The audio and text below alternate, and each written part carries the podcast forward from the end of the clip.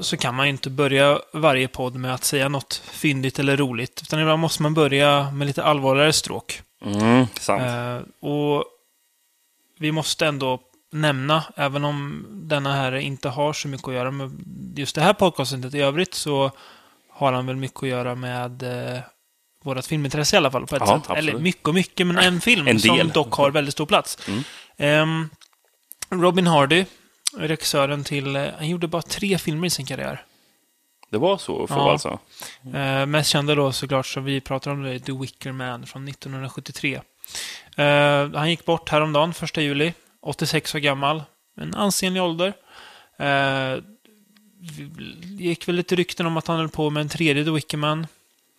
Nu ska man inte vara sån, men det kanske var bra att det inte blev någon, för The Wicker Tree var inte så särskilt bra som han gjorde för ett par år sedan. Vilken var den tredje filmen han gjorde då? Eh, The Fantasist från 86. Han gjorde film 73, 86, 2011. Oj. Väldigt ut, utspritt. Ja, väldigt. Men det är klart att det är... Någon slags, det är ju en förlust såklart, för han har ju ändå gjort en av de mest hyllade skräckfilmerna. Som Empire kallar den för, The Citizen Kane of Horror Movies. Ja. Ja, Det kan nu vi har inte jag sett. Citizen Kane, men jag kan ändå stryka under på det. Ja. Eh, och när vi ändå är inne på människor som går bort, som ju de tyvärr gör ibland, och särskilt nu de här gamla kultikonerna som Mm. vi gillar, tyvärr. Eh, Bud Spencer, Som har mycket mer med det här pod- Ja, det podcastet har att göra. Även fast han inte är skådespelare i någon av så har han filmerna. ändå med att göra, absolut. Gick bort här 27 ja- juni. Också 86 år gammal. Så Mm. blev lika gammal som eh, Robin Hardy. Ehm, visste du att Bud Spencer tävlade i OS för Italien i simning? Va? Och eh, var medlem i Berlusconis parti. Okej. Ja, Nej, det, nej. det hade jag ingen aning om kan jag Men säga. me- mest känd är han såklart för eh, sina västerfilmer och främst de han gjorde med Bud, eh, Terence Hill Mm. på 60-70-talet, eller 80-talet kanske till och med. Så, ja. Vila i frid, Robin och Bud. Ja. När vi ändå är inne på Bud Spencer så kanske vi ska prata om hans gode vän Terence Hill. Mm. Som är vid liv fortfarande. Ja. Tack för det. Ehm, det är inte bara Franco som har spelat Django. Nej. Det är inte Eh. bara Jamie Foxx som har spelat Django. Nej, Det sant. även Terence Hill tydligen gjort. Terence Hill. Mm. Så vi kickar igång detta västernavsnitt då. Om ni inte har förstått att det är det. Eh, Eller snarare spagettivästern. Spagettivästern, ja. Bra, Rickard. Mm. Italiensk västern är bara inget, vad vi kommer att prata om. inget amerikanskt tjafs är det inte. Nej. Nej. Eh, Django, prepare a coffin. Eller Django, prepari la bata, tror jag det heter någonting Mm. Jag på tror, italienska. jag tror originaltiteln bara var Preparati alla bara. Ja, det kanske det var. Ja. Ehm, den handlar om då uh, cowboyen Django. Som, eh, han fraktar guld en dag när hans eh, konvoj blir överfallen. Och familjen blir mördad. Ja. Um, och de lämnar honom för att dö. De tänker att han kommer inte klara sig. Vilket han gör dock. Um, och de här skurkarna som överfaller konvojer visar sig jobba för uh, David Barry. Och uh, de tar dessutom guldet från Django. Så det är inte bara att de dödar hans familj, lämnar honom för död, utan de tar dessutom guldet som han har fraktat i, i förtroende. Um, och den här David Barry då trodde ju dessutom Django var hans vän. Mm. Eh, En scen innan så pratar de som goda vänner, vad, vad, vad det verkar som. Ja. Eh, Det går fem år. Eh, Django jobbar, som, jobbar inte som en bödel, men han jobbar för en bödel. Mm. Och fångar in män för avrättning. Och för att avrätta dem också. Men han avrättar dem ju inte. Utan han släpper dem fri. Eller han, han fejkar deras hängningar. Ja, precis. Eh, och de, sen- de, de har en sån här attrapp kring halsen så att, med, med, med en krok, så de Ja, hängs bara egentligen precis. i kroken. Sen Så- kan de låtsas vara döda, sen släpper han lös dem på Ja, natten. så det är mer någon slags bondage contraption än att det är en snara. Ja, lite grann. Ehm, för li liksom Django har de här männen råkat ut för Barrys elakheter och tillsammans ska de utkräva hämnd. Men eh, det går inte riktigt så enkelt. Inte alls, nej. För att alla de här typerna är ändå inte lika godhjärtade som vår käre Django. nej. Mm. Du ser ivrig ut på att, att, Nej, att det- säga något, Rickard. Nej, nej, det är inte alls det är egent- egentligen, men ehm, eh, det här med att, eh, att hans eh, fru blir mördad, Mm. den, den nämns ju i den eh, original Django-filmen också. Ja. Eh, Så det finns ju någon slags koppling. Så Mm. Frågan är ju om den här ska utspela sig före eller efter. Det Mm. är väldigt löst i tidslinjen, men den ska i alla fall vara någorlunda sam sammankopplad med den första Django. Till skillnad från många andra filmer som sen kallades Django, som Ja. är helt ja, fr- frånkopplade. Men Han är väldigt lik eh, Franco Nero och Terence Hill. det De var ju har ju därför han blev... honom väldigt det, lik. Det är ju därför han blev castad. Ja. Bara för att de ville ha en person som såg ut som Franco Nero. Det är, ja. För jag Vi tror vill det här ha dig. Varför då? Jo, för att du är lik Franco Nero. Ja. Ja, Okej. Ja, men det, jag tror det här var liksom innan, innan han blev stor. Mm. Eh, så, så det var väl Hill kanske- alltså? Ja, precis. Det är ju liksom många, alltså det är något som italienarna nästan alltid var duktiga på, i västerns i alla fall. Det är så snygga intron. Mm. Och bra musik är det jämt. Det kommer, vi, vi kommer tjata mycket om att det är snyggt och att det är bra musik i den här podden, men ni får ge er till tåls, för det är, det är, det är så det är. Eh, så är det även här. Bra låt, kickar igång filmen direkt, snyggt intro, Mm. eh, så här title screens. Um, Django Prepare Coffin är ju en ganska typisk hämndhistoria. Um, som är väl vad västerfilmer ofta är. Mm. Inte alltid, men ofta. Um, det funkar bra. Ja, För det, är, alltså, det, är ju, det är ju inget särskilt avancerat som berättas, men man, man gör det ändå med en Mm. så, så pass fingertoppskänsla att det blir bra. Eh, Ehm, Det känns inte särskilt unik, gör den inte. nej, Men det gör den, inte det.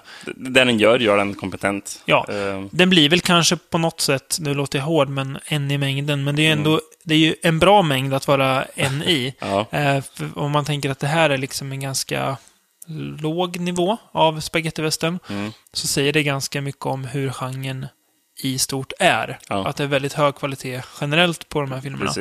Ehm, men det, det, den har ju ändå saker. Det är en skön papegoja som man har i början. Som sitter på axeln, lite, lite pirat-cowboyaktigt.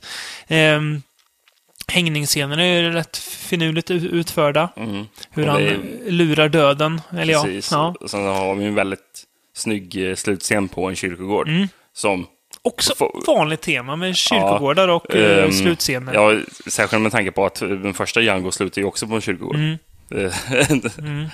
Mm. med en kista med någonting i. Mm.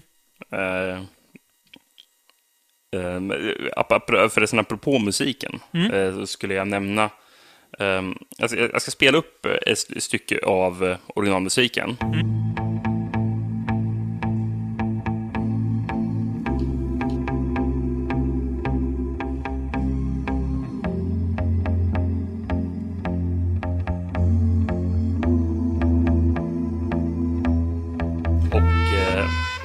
så ska vi gå över till en an- något annat här. För, för, för det här var från filmen. Eh, från scoret från filmen. Musik av... Eh, Nu kommer jag inte då riktigt på vad de Nej. heter, men... Ja, nej, det, det har jag inte i huvudet. Men, eh, och sen kommer ett annat stycke musik. Se om du tycker det låter likt.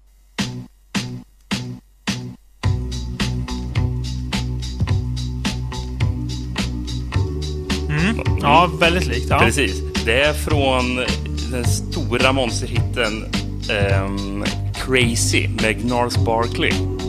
Jaha. Om, om du minns det. Ja, ja, ja. Ja. Fruktansvärd låt tyckte jag då. Ja, men... Ja. men, men kul. Men, men, det är ju liksom, de har tagit... eh, Ja, de, de, de, de har samplat ser- från Janko Prepare Coffin. Ja, varför inte? Det- det- varför Det, inte? det är så häftigt. ändå. Ja, det är coolt. Mm. Ja, det var bra, bra trivia, Rickard. Ja, det är pluspeng får du för det. Ja, tack. Ja.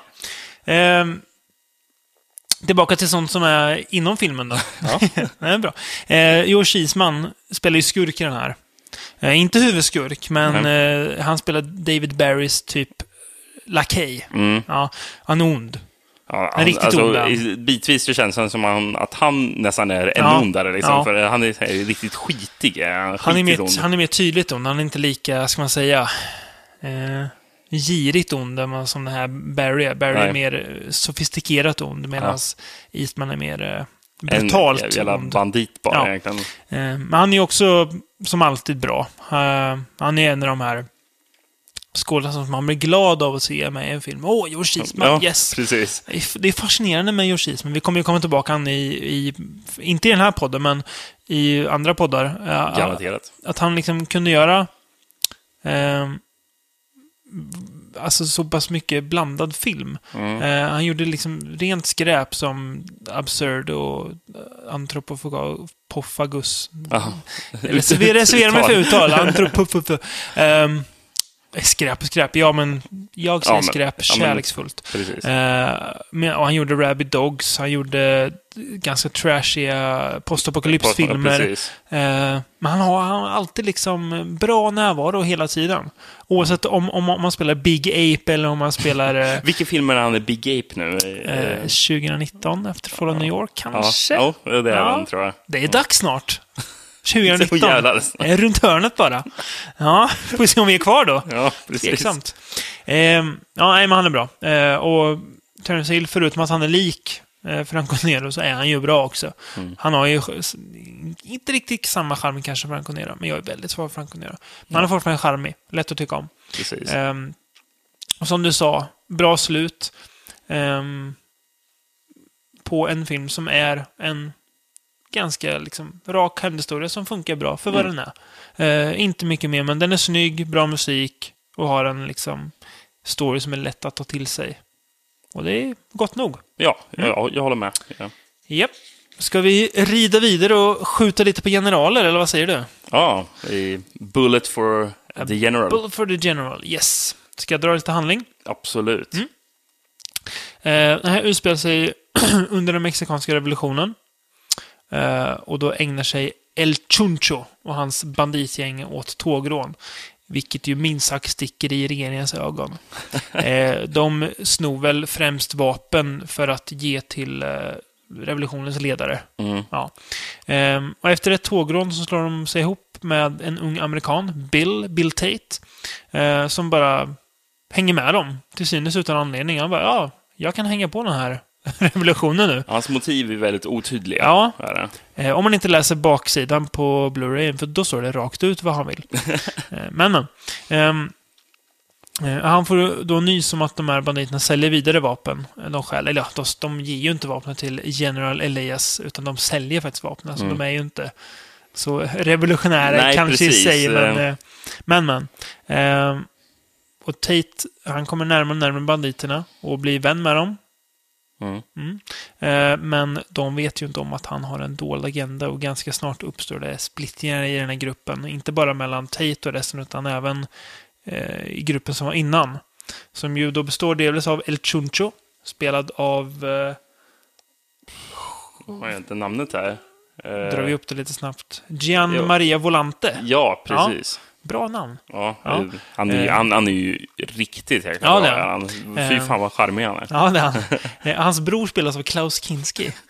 Som då är... Inte så lika varandra. Nej, han ska vara en mexikan också. Och de förklarar med att han har en annan pappa. Ja. En, en vit pappa. Mm. Det får vi nöja oss med. ja, precis. Eh, Men det är ja, det- man ska inte ta allt så, så logiskt jämt. Det är kul när de festar till det lite, italienarna. Eh, Eh, Jag, jag kollade på en intervju med regissören och då Mm. beskrev han Klaus Kinski som att han var väldigt germansk. Ja. Undrar om det är bra. jag vet inte. Nej. Eh, vad har du på den mexikanska revolutionen då, Rickard? Alltså, Du är, jag- du är ju en triviabank ibland. Jag har ju tyvärr inte så jättemycket på det hela, men eh, vad jag förstår det som så utspelar sig den här filmen runt 1913. Gör det. Jaha, så Eh, pass sent alltså? Ja, Mm. precis. Jag tror revolutionen var mellan 1910 och 1920 drygt. Där. Mm. Så den Bara. pågick alltså samtidigt som första världskriget? Ja, Ja. precis. Det ser man. Mm, ehm, det var därför jag tror att eh, en, varför USA eh, också hade problem med att delta i första världskriget från början Mm, på grund av att de var okej. lite inblandade där Mm. nere mot Mexiko. Jag kommer tänka lite Ehm, på Och jag, jag, jag, tror att Tyskland försökte faktiskt få Mexiko på sin sida. Mm. Eh, opportunister.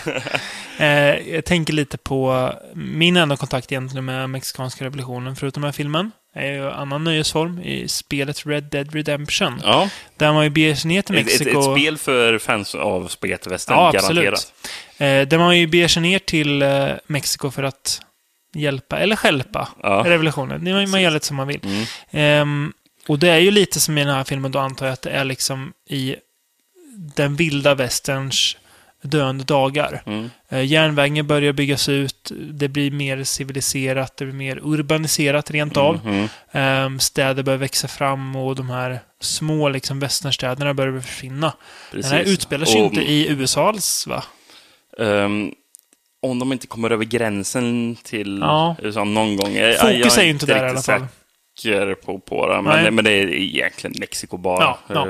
Eh, Ehm, Um, Men, ja, men det, är, det är väldigt intressant att se det här hur banditerna behöver anpassa sig till en ny värld. Mm. Ja, eh, precis. Som de inte riktigt är bekväma med att göra. Nej. De, de vill ju leva sitt, sitt lösdriva liv. Precis. Och, Vem vill inte det i och för sig? Så det är Och- ganska härligt. Ja, och, och sen så får man ju se här att eh, Alltså, att man, det känns som att man vill ha någon slags politisk kommentar gällande Mm.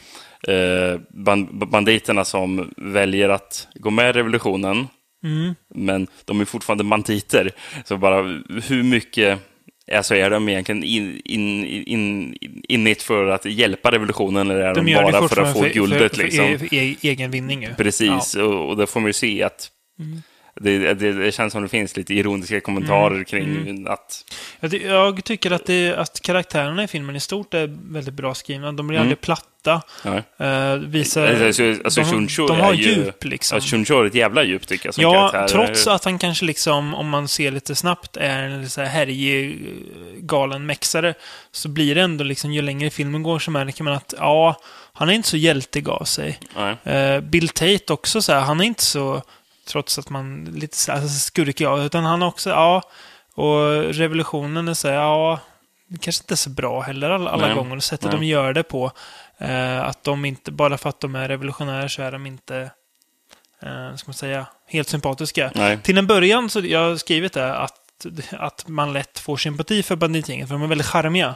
Eh, och som, det, Mm. Och det, och det känns ju som att de här generalerna som tillhör regeringen är onda. Liksom. Mm. Ja, precis. Det, Det blir min när jag ser hur länge filmen går. Men man, det är väl att man, man får sympati för dem som personer, kanske inte för deras ideologi, om de ens har någon ideologi. Nej. Det är väl tveksamt. Ehm. men, men, men det är intressant. eh, Alltså, spagettivästern, Mm. det, det blir ju mycket mer än just amerikanska västern, att man går, rör sig neråt mot Mexiko istället. Mm.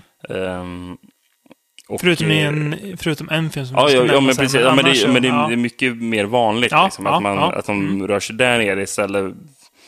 Eh, och just den här filmen är ju en del i, i vad man kallar för en slags subgenre till subgenren i spagettivästern. Mhm. Som kallas för uh, zapata-västern.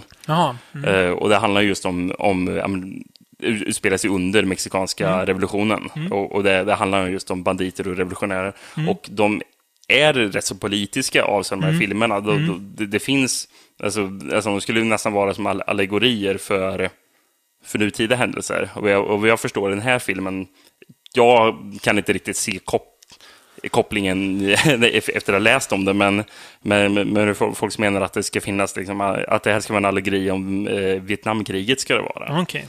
Ehm, Nu vet inte jag riktigt hur det eh, har att göra, men det handlar ju om revolution och så. Ja. Ehm, Det känns som att italienarna ofta var eh, att de var ganska, ganska bildade, många av dem. Att Precis. de var politiskt engagerade, många av dem. Uh, hetlevrade, nu är så här ganska eh, stereotyp, men det känns som många alltså, av de här mer, mer färgstarka regissörerna, eh, inte så mycket eh, typ Argento de här, men de här, alltså, många västernregissörer, som du säger, känns som att de hade mycket de ville säga, förutom att underhålla, för det är ju underhållande också. ja, precis. Men alltså, den, är ju, den här är ju jävligt rolig. Ja, den. men samtidigt... Alltså, Bra humor också. Ja, precis. Eh, Alltså, jag tycker ju att den här känns som att det skulle kunna vara, vara regisserad av Corbucci, som vi kommer att prata, om, Ja. prata mer om sen. Ehm, I hur han blandar humor och allvar. Eh, det, det finns en jätterolig scen eh, eh, då, då, då en kvinna som hon, hon låtsas att, att hon är prostituerad för att hon ska bryta sig in i ett, ett fort. Japp. Ehm, och, och, sen så riggar de explosioner, gör de, Mm. eller riggar, riggar några bomber. Och sen visar man inifrån en byggnad och det är en, då är det en gubbe som sitter och ska öppna, en, en, öppna skumpa. Precis när han öppnar champagnekorken får man se hur byggnaden Mm. Boom. bara rasar Ja. ihop. Jä, Jävligt roligt och så Ja, snygg, det- snygg det är timing. Ehm, Väldigt bra tempo också. Ja. Hela tiden. Det händer saker med. Och sen... Eh, eh, alltså det är... Ett, ja. Eh, tycker att det är väldigt bra slut också. Mm. Ganska oväntat slut. Tycker jag. Alltså, alltså sista akt. Alltså hur, Ja. vad som händer. Jag, jag var inte beredd på det i alla fall. Kanske jag är dum, för du ser, du ser frågande ut nu. nej, nej, men jag var med dig. Det, det var Ja. lite... Oj, Så, oj, ja. eh, ska, det, ska det verkligen sluta så här? Bra slut. Och man blir så peppad av slut också. Ehm, vi ska inte säga mer om det, men det... Ja. Nej, jag vet inte liksom... Nej, man, man vill inte säga för mycket. Man, man vet att eh, en viss person har, inte har helt rent mjöl, mjöl Mm. i påsen, det förstår man, men... Japp. ehm, Inte mer än så ska vi inte säga. nej, jag tror inte Och det. läs inte om filmen för då, då blir det av, avslöjat. Mm. Man ser. Finns på finfil Blu-ray från Blood Underground. Mm. Klart värd att införskaffa om man gillar pasta pistolero-filmerna. Ehm, någon som inte var lika skicklig på att göra westerns. Kanske därför han gjorde det typ 20 år senare än vad alla andra gjorde också. Ja, Bruno Det Mattei. var våran gode vän Bruno Mattei, ja. Eh, zombies kunde han hantera rätt Ja. bra. Eh, eller bra och bra, men jo, på sitt eget lilla sätt. Um, och sen några år senare fick han för sig att ja, men västern har inte gjort den. Eh, dags att göra den. White Apache. Nu vet inte jag om den här kom före eller efter hans andra västern, Scalps. Eh, det bryr vi oss inte om så mycket nu. Men eh, White Apache kom 1986 i alla fall. Det är ju väldigt sent. Väldigt det är ju sent, till och ja. med när liksom slashern har dött ut. Ja, Det är så, ja. Mm. eh, precis. Det är ju många grejer som hade hunnit dött ut. Ja. Liksom. Det är roligt. Um, um, man tänker på att uh, spagettivästern hade ju sin alltså, Heyday. storhetstid under 60-talet. Liksom, Ja. började dö ut början på 70-talet, om inte ens tidigare. Ja, ja. Ja, men alltså, Början men, där, typ. alltså de stora filmerna. Liksom. Första åren där, Ja, ja, mm. precis. Eh, för jag tror det kan redan börja avtunnats där vid 70-talet, Ja. alltså 1970. Ehm, och sen kommer Bruno Mattei på 80-talet här och eh, ska försöka skaka liv i den, denna genre. Hur, hur Mm. Precis. lyckas han då? Ja, Eller ska du dra lite handling ja först? vi gör det först innan vi säger vad vi tycker om det ja, Försöka dra någon handling, för jag kan inte riktigt Han, summera. handling och handling. White Apache eh, inleds med att eh, ett gäng banditer överfaller ett oskyldigt gäng människor och dödar dem skoningslöst. Helt utan anledning. Men det är klart, de är banditer. Ja. Eh, och tack vare ett gäng indianer som kommer till undsättning helt plötsligt så överlever en gravid kvinna och tas därifrån.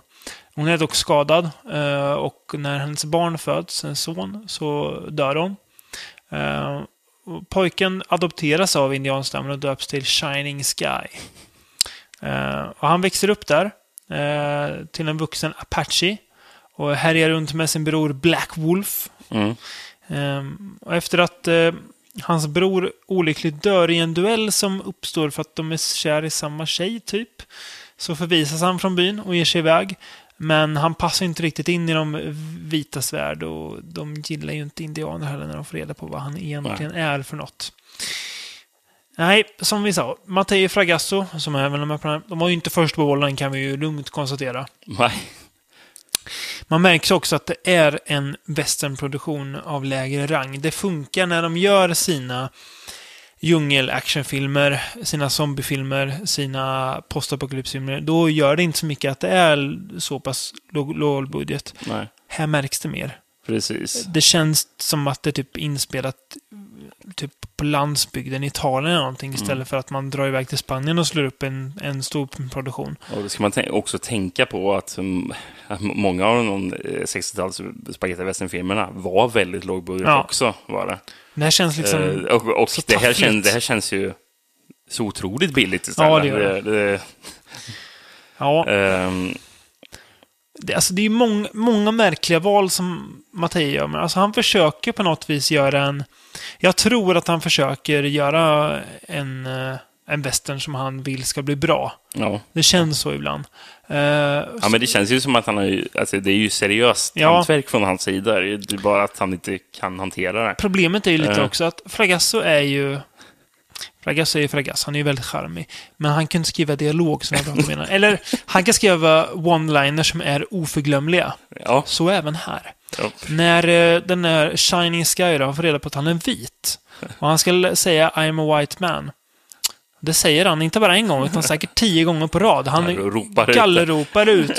I am a white man. Det är en, en scen som man bara kan skratta högt när han ropar ut och sen slänger sig i vattnet.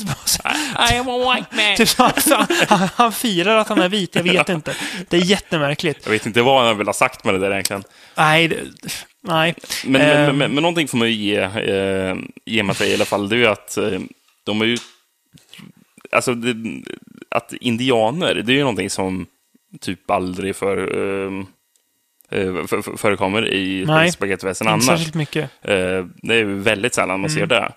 Eh, så har man ju försökt ta någon annan Ja. infallsvinkel Jo. här. Men det- är ju jätteointressant. Ja, Eh, det är det. Och en de känns ju otroligt stereotypa de här Ja, indianerna. ja. Det är- Vi har ju en karaktär som är helt orimlig, som heter Cra- Crazy Bull.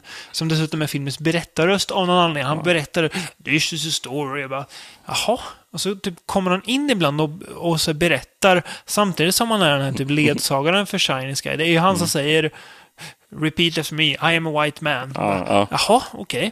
Eh, och det är ju, alltså det är ju, det blir ju lite fel också när man ser att in, de som spelar indianer är ju lika mycket italienare som Shining Sky. Eller han är inte italienare, han är ju son till eh,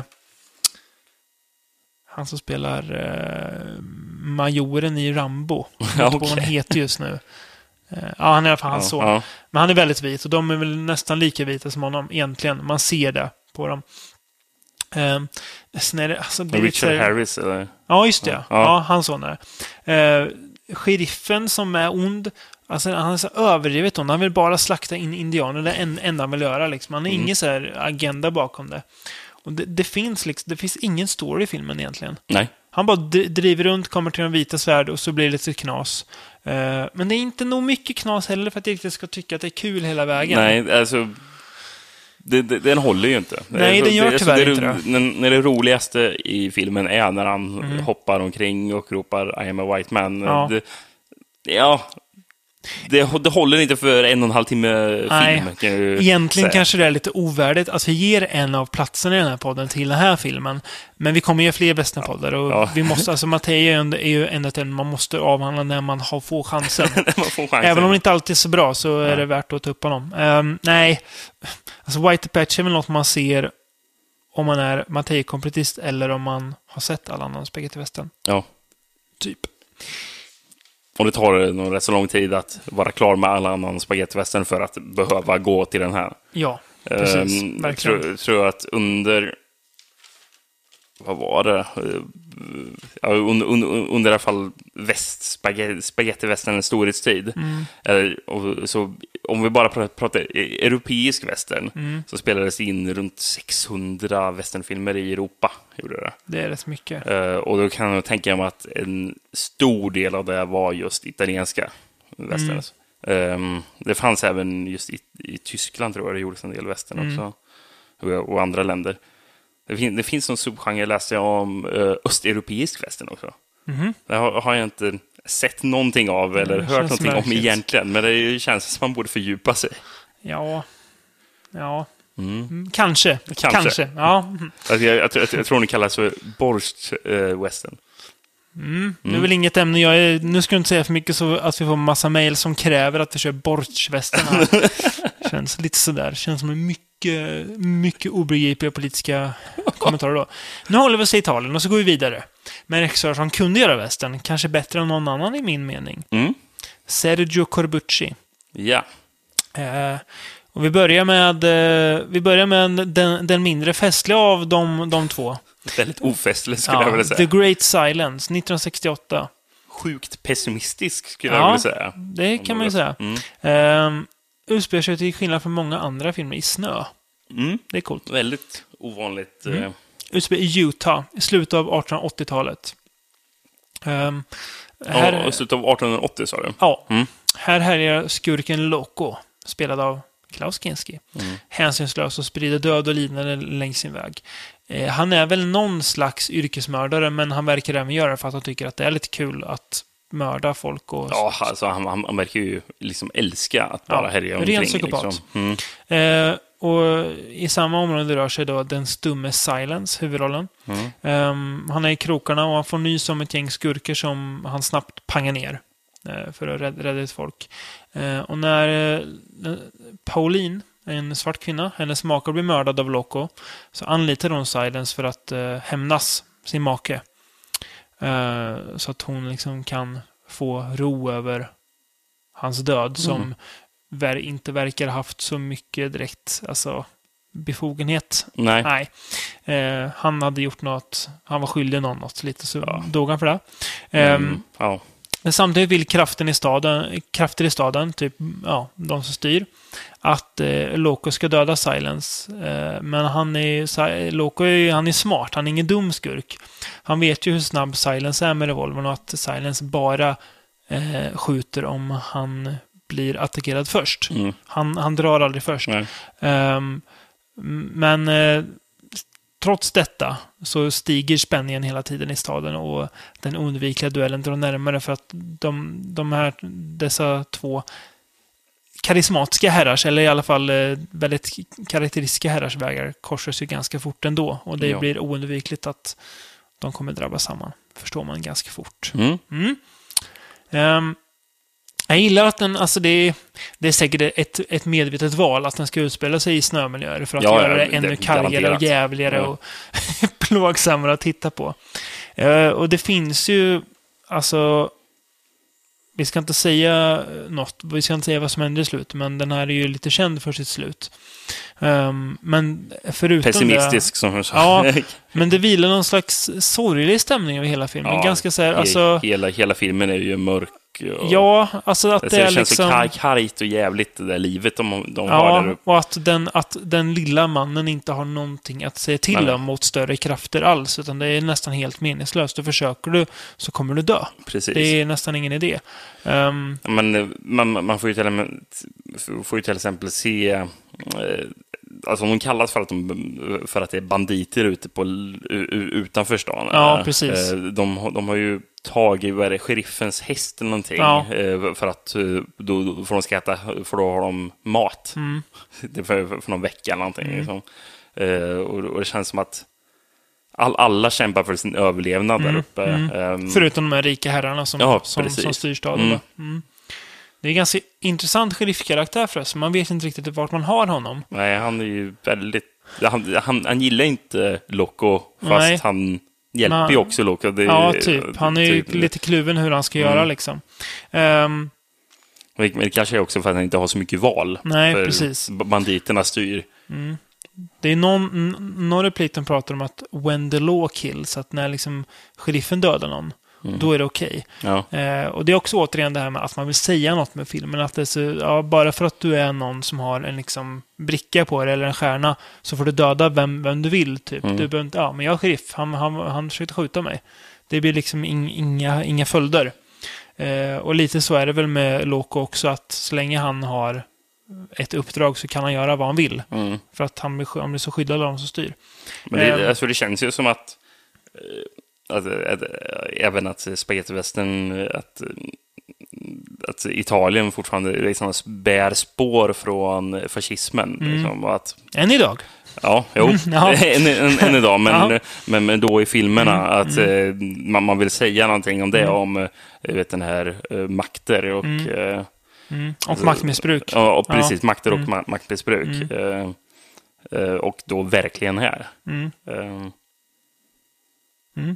Och som jag sa den förra podden, den gode Kinski, det kanske man inte ska säga. Säga vad man vill om honom som person, men han är ju fruktansvärt bra. ja, Eh, Det är han här också. Han är ju han är ju bäst när han, när han spelar skurk. Eh, Mm. Han är riktigt bra. Eh, Otäck, fast inte så här...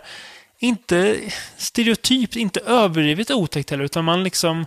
Man kan se någon slags reson i hans kylighet. Man förstår honom på något vis, varför han gör som han gör. ja. Och han är inte så här... På ett sätt är han inte genomond heller, vilket gör honom ännu mer otäck på något Ja. vis. För det är inte att han liksom... Det är inte att han bara rider runt och skjuter folk som en galning heller. Utan han gör det ju bara om man har uppdrag. Ibland så gör han det kanske lite löst. Så. Ja. Men, men ändå, han har ju någon slags eh, ideologi i sin, Mm, i sin sadism, psykopati. typ. Ja, precis. Eh, vilket gör honom otäckare, tycker jag. Mm. Det, det, det, enda som tar bort lite av otäckheten i den- i här versionen vi såg, han är jävligt märkligt dubbad där. Jag gillar Jag ska dubbningen, ja. säga. Det- det- Jag gillar hans lite sydstatsdubbning. Ja, precis. Riktigt Ja. jävla är ju, det är ju originalljudspåret. Ja, ja, ja, men, så ja, men det tror jag. Men att de har valt en verklig märklig Ja, röst till honom, tycker jag. Jag, jag, bara, jag, jag tycker den passar bra jag, hör liksom direkt bara att det där är inte Kinski i Nej, alla fall. men jag, jag släpper det ganska fort, för jag, jag tycker att de lyckas övertala mig ändå så pass Mm. mycket med Ja. hans karaktär. Eh, så det känns som att det är han. Uh, sen är ju slutet då, ett väldigt modigt slut, som Mm. de har valt. Eh, det här det här slutet som är rätt då. Jag kan tänka mig att det inte liksom föll alla i smaken det slutet. Nej, precis. Mm. Och den, alltså, den tar ju död på mycket av vad genren... Det är som att den vill... Alltså på något sätt så slår, så slår slutet spiken i kistan för genren, även Ja. om den, den fortsätter några år till. Corbucci fortsätter göra västfilm också för Mm. den delen. Eh, men mycket som genren representerar och hela den här hjältemyten på något vis tas död på också. Att eh, Silence är inte den här som, även om vi får veta att han är väldigt snabb på att dra och skjuta och sådär, så är han inte oövervinnelig Nej, heller. han, han är inte odödlig. Nej, det, precis. Och det är, det är ingen som är. Alla kan ligga illa till, vilket vi Precis. vet att hjälten inte alltid gör. Nej. Uh, vilket är fascinerande. Uh, han du se det alternativa slutet? Eller Ja. glöm, Du gjorde det? Ja. Ja. Inte alls lika bra. Nej. Väldigt, Nej, väldigt, inte. väldigt fånigt när man läser originalet. Jaha, det där kändes ju långsökt. Det, det, det märkligaste i, i det, det alternativa slutet, det är att Ja. man helt plötsligt får se att han drar upp äh, ärmen och ser att han har en stålhandske Ja. på sig på ena handen. Jättemärkligt. Varför det? Ja, det? Det får man inte se någonting Nej, i resten av filmen. nej. Det får man bara se det Ja, i slutet. i det alternativet. Ja. Ja. De, de, de gjorde ett alternativt slut för att eventuellt den skulle sälja bättre på den am- amerikanska Mm. marknaden. Jag tror aldrig det, det visades på riktigt. Det, det finns Nej. bara filmat. Så det fanns inget, inget ljud inget på den. ljudspår Det- till det. nej. Eh, De som har gett ut filmen skriver att vi, vi vet inte om det någonsin gjordes ljud ens till Ja. det här slutet. Nej. Eller om man bara filmade och... Men ja. Nej. Eh. Vilka är det som heter ut den? Fantoma heter de. Tomar, okej. Nedlagda, nedlagt sedan länge i bolag. Mm. Mm. Nej, men väldigt bra. Och visar på att Corbucci har bredd också. Som vi ska komma till nu när vi pratar om en film som är betydligt mer lättsam. Mm. Eh, som är min favoritvästern av de jag sett. Jag har ju knappast sett särskilt mycket om man tänker på hur mycket som finns. Men av det jag sett i alla fall. Och det är ju då Companeros, två år senare, 1970. Så gör han det här. Eh, också mexikanska revolutionen. Precis. Ja. Och, och den Franco Nero här. Ja, och Thomas Milian. Thomas Milian, Ja. precis. Den en, enda gången Franco Nero och Thomas Milian var på bild tillsammans. Det har, det har något. Ja. Ja. Eh, Thomas Milian spelar den småtokige Vasco. Eh, som dras in mer eller mindre slumpartat i revolutionen. När han har ihjäl en uppsatt ledare som han inte verkar veta om. Han bara gör det, typ för att, ja. Eh, så, är, så är han med. Är han en revolutionär sen. Han är ju... Han är fantastiskt bra. Eh, och till detta kommer då den svenske Jodlaf Petersson. Filmhistoriens bästa namn. Väldigt svenskt namn, Jodlaf, va? Ja, ja, ja. Det känner det många som heter. Ja, ja gud. Eh, och ämnar tjäna sin hacka på att sälja vapen, sno och sälja vapen. Eh, samtidigt så finns en annan grupp revolutionärer som har en liten annan ideologisk tanke. De vill tänka väl, deras ledare tänker i alla fall eh, pacifistiskt. Han vill inte bruka våld för att skapa revolution. Professorn, jag minns inte vad han Precis, heter. men- nej. Eh, Men de, hans gäng vill ha vapen i alla fall. Och Jodlaf tvingas välja sida. Men det är ju ändå plånbok som styr, vilket inte uppskattas av Vasco och eh, den senare revolutionen. Som styrs av general Mongo. Också väldigt bra. Jag vet inte om det är, om det är Corbucci mening att vi ska kalla honom Mongo för att, för att håna honom. Liksom. Det känns så. Ehm, men eh, Jodlaf och Mongo verkar känna varandra sedan tidigare. Jodlaf och Ja, Mongo. ja, det hör ju. Så Jodla får i uppdrag att öppna ett kassaskåp fullt med pengar eh, för att eh, Mongo i sin tur ska kunna köpa vapen. Så lite så moment 22. Mm. Men för detta krävs en kombination som bara professor Santos, heter han, ja, har. Eh, och det omaka paret då, Jodlaf och Vasco, slår sina påsar upp och ger sig iväg för att hämta honom. Men inte bara andra hinder, utan de sätter även hinder för varandra på vägen. För de, de har ju svårt att komma överens. Det är väldigt svårt. Eh, alltså, jag vet att vi tjatar om musik, men titellåten till den här filmen, det är typ det bästa som har gjorts i filmmusik någonsin. Alltså. kan du inte slänga in lite så, så får folk höra? Ja.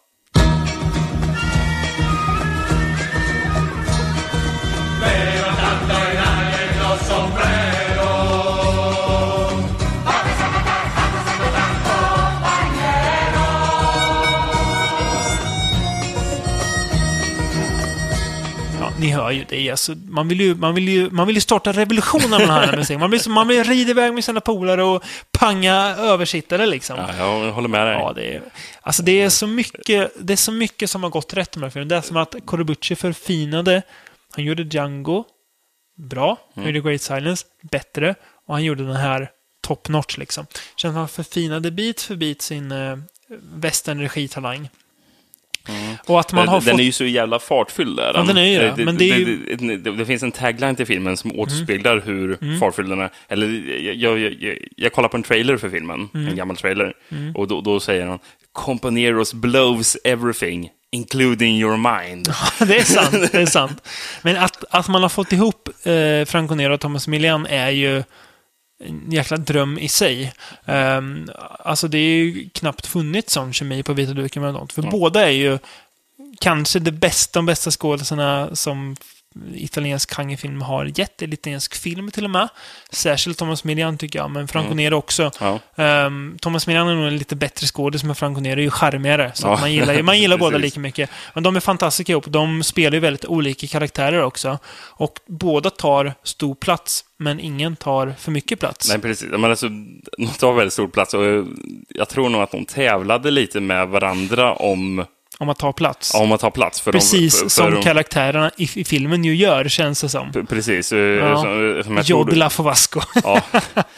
ja, men, ja, men det återspeglas fint i filmen. Liksom. Mm. Men, men jag tror det fanns en rivalitet där mellan dem även uh, under inspelningen. Mm, Uh, Milian ska ha sagt att han var avundsjuk, liksom, Mm. eller, eller trodde att, eh, att um, Franco Nero skulle ta upp så stor plats med Mm, sina blåa ögon. Liksom. Han är ju så iko blonda hår. ikonisk, Ja, liksom, är ja, han.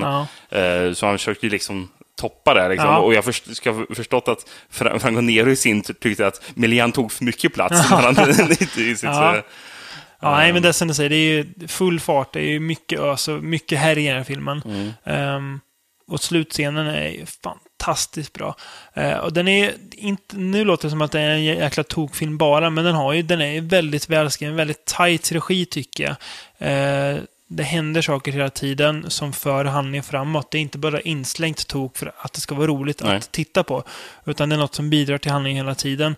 Och den har ju också mycket att säga om revolutionen. Kanske ännu mer liksom på näsan än vad Bullet for the General gör, men Mm. eh, den hånar ju re- revolutionärerna nästan som Ja. att de, alltså, de rider runt och liksom våldtar Ja, folk. precis. och, För här är de ännu mer... As, liksom. d- Alltså, de bryr sig inte alls om Nej. någon, någon jävla Vilket ju inte egentligen. staten heller gör. De är också svin. Ja, Så ja, det här, ja, I den här filmen det finns ju ingen god... Jo, kanske, kanske Professor Santos. Han kanske Ja. är den enda goda karaktären. Precis. Men, eh, Santos är det, för mm, Jodlaf är ju sannerligen inte... nej, nej, han- nej. han- och han- Vasco är ju inte heller det. nej, nej, nej. Och Mongo är inte det heller. Eh, men eh, Santos å andra sidan, han inser ju sen att jag är, jag, är, jag är för gammal. Mina ideal håller inte längre. Utan Nej. det är liksom våld är det enda som kan lösa någonting nu. Ja, Så att, eh, ja, det är, det är lite för, sorgligt. för gammalmodig. Och Precis. intressant också, allt som vi har nämnt här. Och, och då har vi inte ens nämnt Jack Palance som Ja, eh, skurk. Nej, precis. eh, som också var med där. Mm. Och, eh, för han är någon gammal rival mot, eh, Mot Jod- Jodlaf. Jodlaf. Då. Ja. Mm. De känner varandra sedan länge. De har träffats på, Mm. jag tror att han nämner att han blev övergiven på Kuba eller någonting. Jag. ja. Eh, Han har ju en, en trähand som vi får veta är Jodlavs fel att han har. Och Ja. en hök som flyger Marshall. runt. Eller en falk, vad är det? Eh, ja, en falk eller en hök, någon, någonting. Ehm, Som flyger runt och, och hjälper honom. Ja, han som han Mm. gillar verkligen. Och, och sen så, vad är det mer han har? Just det, han har en jävligt intressant kille som är med, en kines, Mm. med, med en trälur som han har. Jag vet inte om han har en sån här hörselapparat eller någonting. Sådär. Väldigt märkligt gäng. Ja, mm. Och Jack Palance röker ju gräs i hela filmen, gör han. Ja, ja just det. Det är ju Ja. det, man, man ser att han röker och säger Ja, ja, just det, ja. ut i blicken. Ja, det är ja. Marianan. det är också ett väldigt märkligt grepp. Liksom. Ja. Men, men han är jättebra, Erik Ja, är också, han. Men han, ble, han, han bleknar ju lite i förhållande till de andra två. Ja, ja, jag, för men- att de men- är ju så fantastiskt ja, bra. ja, bra. men, men han är...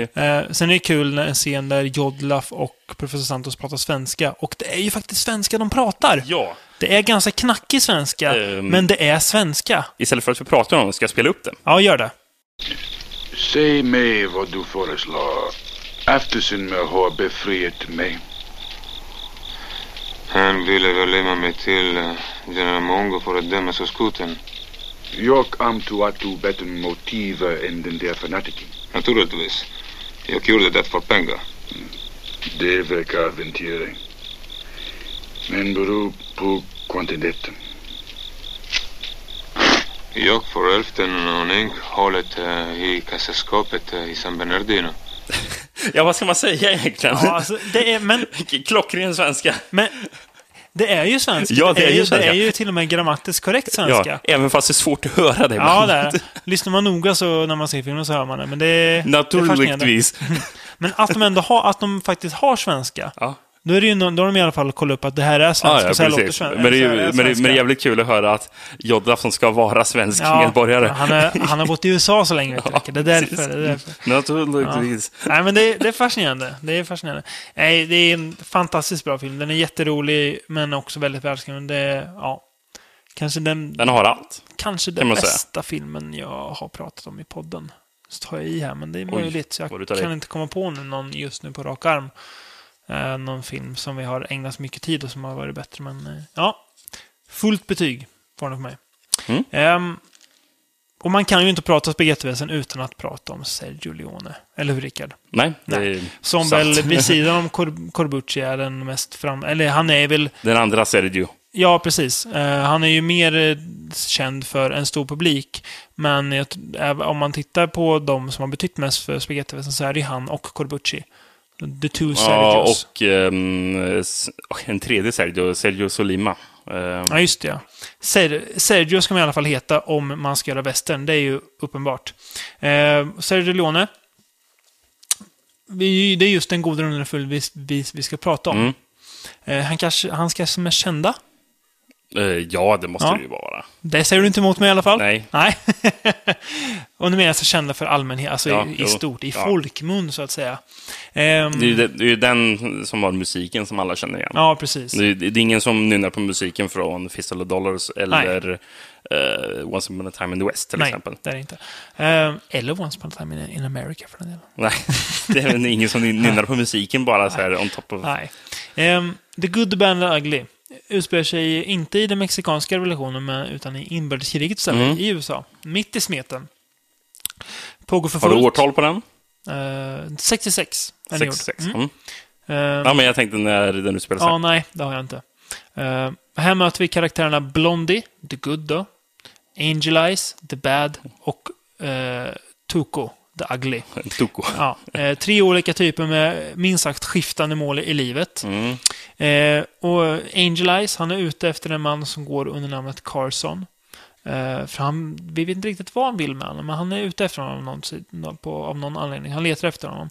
Eh, som eh, Tuco och eh, Blondie stöter på mitt ute i öknen. Och eh, Tuco får ju inte intresse av den här Carson när han börjar, börjar prata om pengar.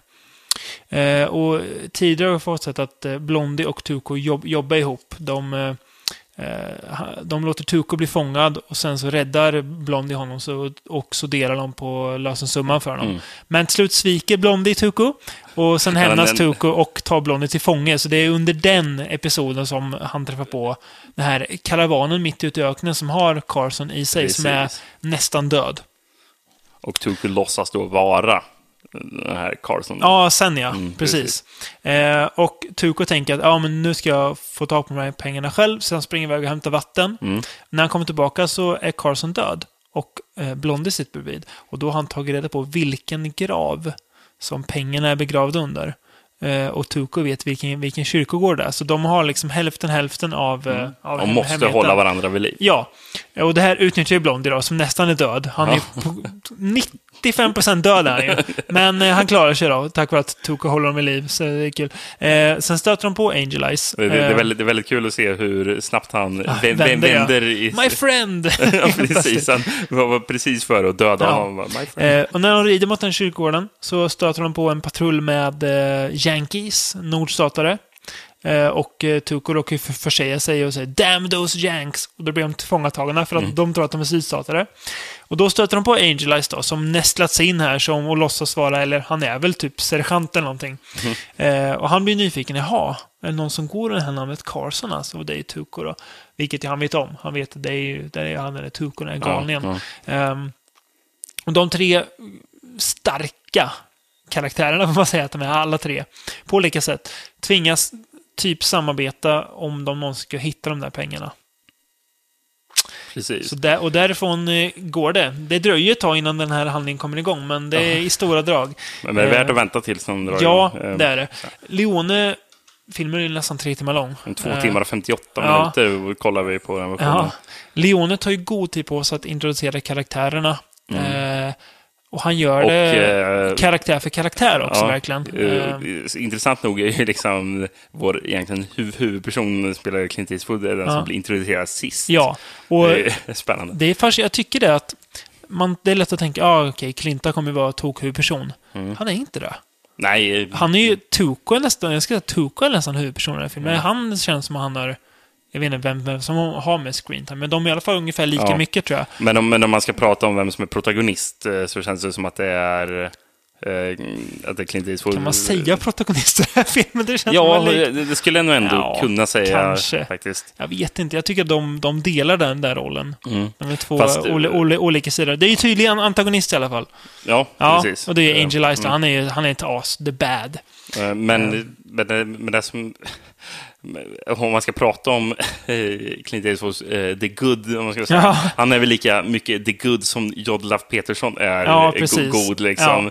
Han, Eh. han, är, han är ju ful fisk Ja, han det också. Men det är med, alltså, han och Tuco är ju på något vis the good båda två. För att ingen av dem är ju egentligen Ja. ond. De Ja. är ju, de är ju, alltså, de är ju skrupelfria båda Ja, två. De ja, men är ute ska- efter pengar. Ja, men om vi säger så här, eh, att eh, The, the Good är ju egentligen Jodlaf om vi pratar om Ja. ja. och så, så är ju Milian liksom uh, Tuco här. The liksom. ugly, ja, precis. precis. eh, Medan Lee Van Cleef då, som spelar Angel Eyes the Bad, han är ju mer en sadist. Han gillar ju att, att mörda folk Ja, men det är ju fast han inte det behöver det. Det är egentligen Jack Ja, Palance karaktär. kan man säga. Eh, Så, så, så, så man kan ju se de karaktärerna liksom i Precis. Companeros. Um, det är, jag tycker det är, det är bra att han tar god tid på sig. Han har inte bråttom med att få igång handlingen. Så det, det bygger upp, när handlingen väl drar igång så känner vi karaktärerna bra. Mm. Vi vet vilka de är och vad de vill och liksom hur de kommer agera, tror vi. Det är ju Mm. inte helt klart ändå. Um, Och, så, och det gör ju inte att han tar tid på sig, för Nej. stilmässigt så... Han, han, han vet vad han gör, Ja, det gör han. kan man säga. Eh, Det är många långa, tysta tagningar. Mm. Eh, Det dröjer det är typ en kvart innan någon, någon säger något i filmen ens, för, för i början. Eh, Som bidrar till att det skapar atmosfär hela, hela tiden. Många alltså, när man fokuserar på karaktärers an, an, ansikten, hur de reagerar och hur man, man liksom läser av dem och vad kommer hända nu. Så det, han är duktig på att liksom bygga spänning hela tiden. Mm. Ehm, samtidigt som, trots att det är att den är lång och att det är långa tysta tagningar, så är det ju underhållande hela tiden också. Inte på samma fartfyllda, röja sätt som Companeros är. Uh, men det händer ju saker hela tiden som också känns befogade för handlingen. Ja. Det känns aldrig som att han gottar ner sig i att kolla vad duktig regissör jag är på att, att filma snyggt och Nej, nej, nej, Liksom, nej, nej, det- nej, nej, men det håller vi med om. Mm. Eh, Och egentligen, det är en ganska enkel story. Det är inte så jätteavancerad intrig i den här filmen. Men det är så jäkla skickligt gjort att det gör ingenting. Nej. Vi behöver inte ha så mycket vänjer. Eh, för att han, delvis så, skådisen är ju fantastiskt bra. Alla tre. Eh, det är ju jättekul. Alltså jag, min favorit är ju Eli Wallach som spelar Tuco. Ja. Han är ju, fanta, han är ju så här, miljanbra, han är tokig, rolig, men också Mm. man, man, man, man gillar den jäveln. Ja, ja, ja. Fast han inte är helt, helt rent mjöl i påsen. Clintan är Clintan, han är ju omöjlig att inte skärmas av.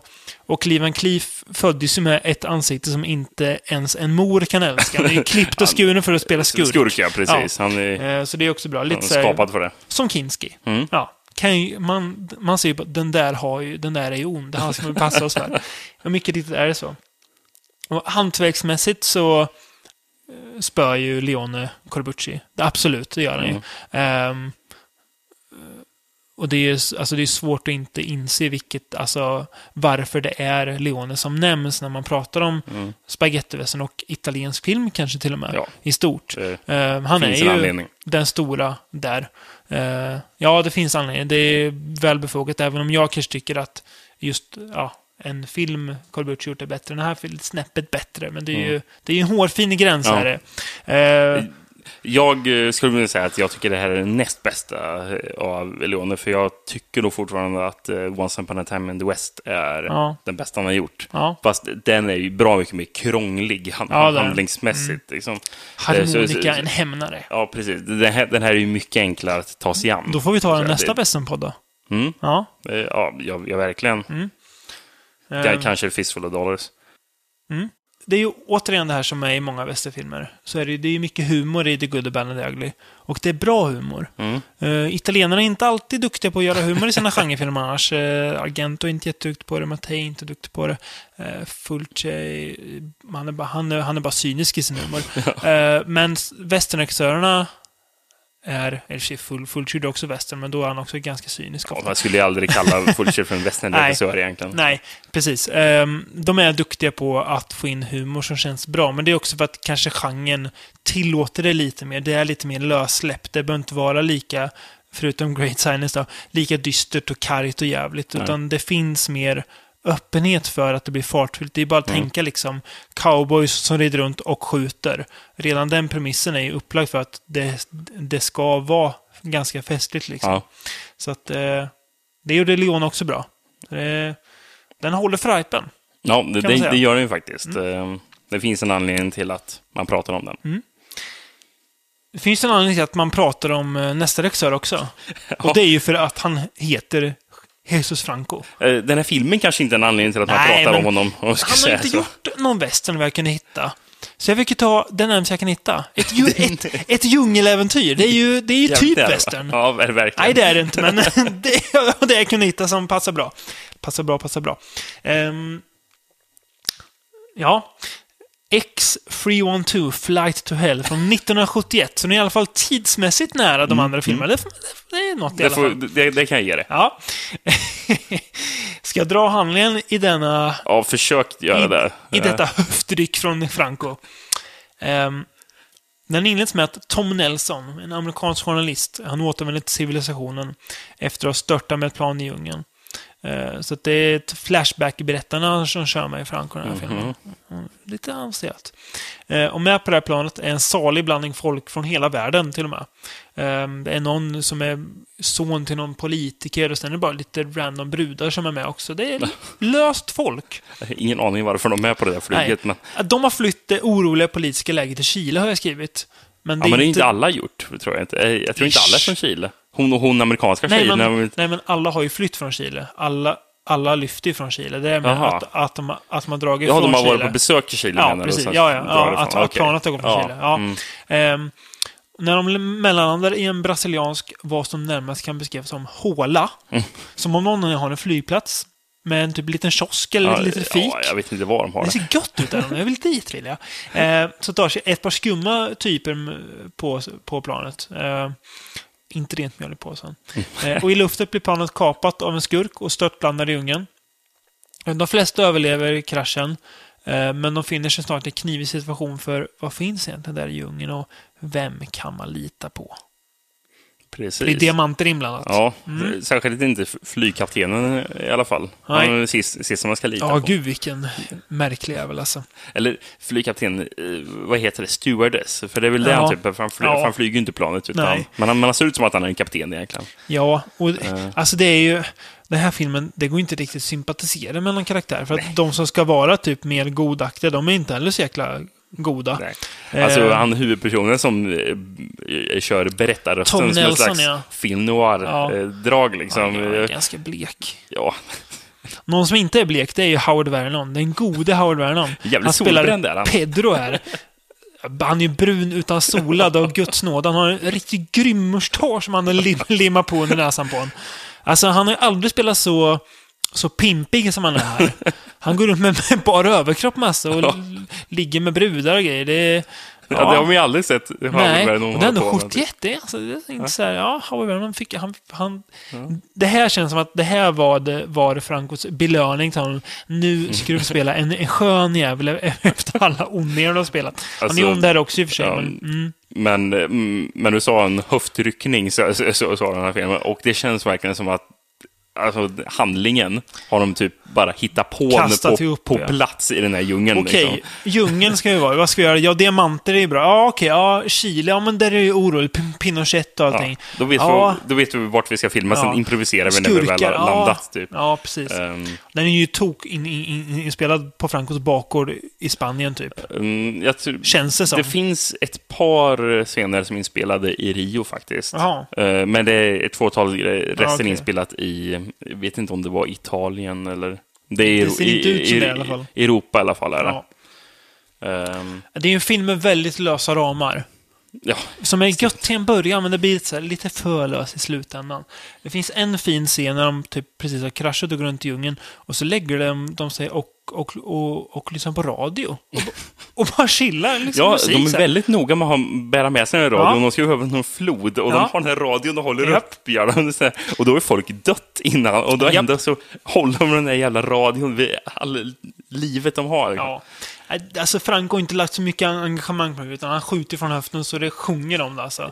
En anledning till att, som jag tror att anledningen till att han inte la så jättemycket engagemang på den här, Mm. eh, den här inspelades rätt så kort efter Soledad Miranda dog. Jaha, okej. Han Eh, kanske så- var, var lite nere då. Ja, han, han ska ha varit väldigt nere då Ja, under den perioden. eh, Och så jag tror inte han...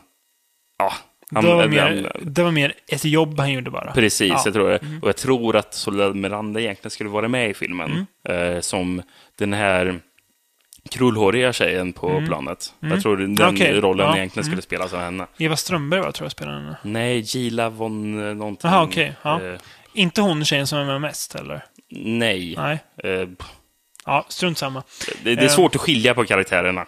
Ja. Eh, det, det, den enda karaktären som egentligen sticker ut av, av tjejerna, det är ju, det är ju hon, hon, hon amerikanskan som, som äger någon klubb och vet den här riktigt på på den här eh, flygkaptenen. Ja, Den här fete flygkaptenen håller på och Märkligt raggar på. på massa. märkligt på. Och sen så, just ja, när de flyger så, så när det kommer en ny passagerare så är det någon tjock gubbe från Mm. Chile är det också. Eh, som man bara, ja men det är ju han, han, han, han är ju jättetrevlig, han brukar hänga på min klubb liksom. Bara, Mm. Ja, jaha, okej, ja.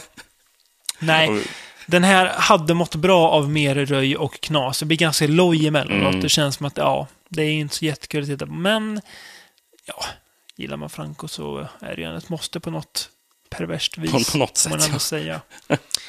Och på tal om djungeln, Rickard. Ja, det var det här jag... I nästa avsnitt Rygg- av From Beyonds podcast så ska vi ta i, ta i tur med våra demoner. Mm, Bege oss tillbaka till djungeln. För att, titta, för att hälsa på kannibaler igen. Ja. Och ni som har lyssnat på oss tidigare vet ju att, ja, Jaha, bra, bra. Eh, vet ju att vi har ju tagit gräddan av genren, om man nu kan kalla det för grädda. Om det finns någon grädde i den här genren, så har vi tagit den. Vi har pratat om Cannibal Holocaust och Ethan Alive och Cannibal Ferox. Nu ska vi i träsket. Mm. Nu ska vi se vad... What, what, li, what lies beneath, som eh, eh, Robert Zemeckis gjorde en film en gång som heter med Harrison Ford och Michelle Pfeiffer. Kommer du ihåg den filmen? What lies beneath. Dolt under ytan heter den på svenska. Ja. En videohit, vill jag minnas. Var, var det en, typ en erotisk thriller? Eller? Det Ja, låter ish. jävligt mycket så på Ja, titeln. typ. Eh, Ja, ja. typ. Trivia om den här filmen. Helt lösryckt. Han, bör, han började filma Castaway. Sen var eh, Tom Hanks eh, skägg tvunget att växa, så han pausade inspelningen. gjorde Dolt under ytan och sen fortsatte han göra Castaway. Oj, Det visste du inte om Robert Zemeckis? det lät väldigt mycket som ett beställningsjobb att göra det.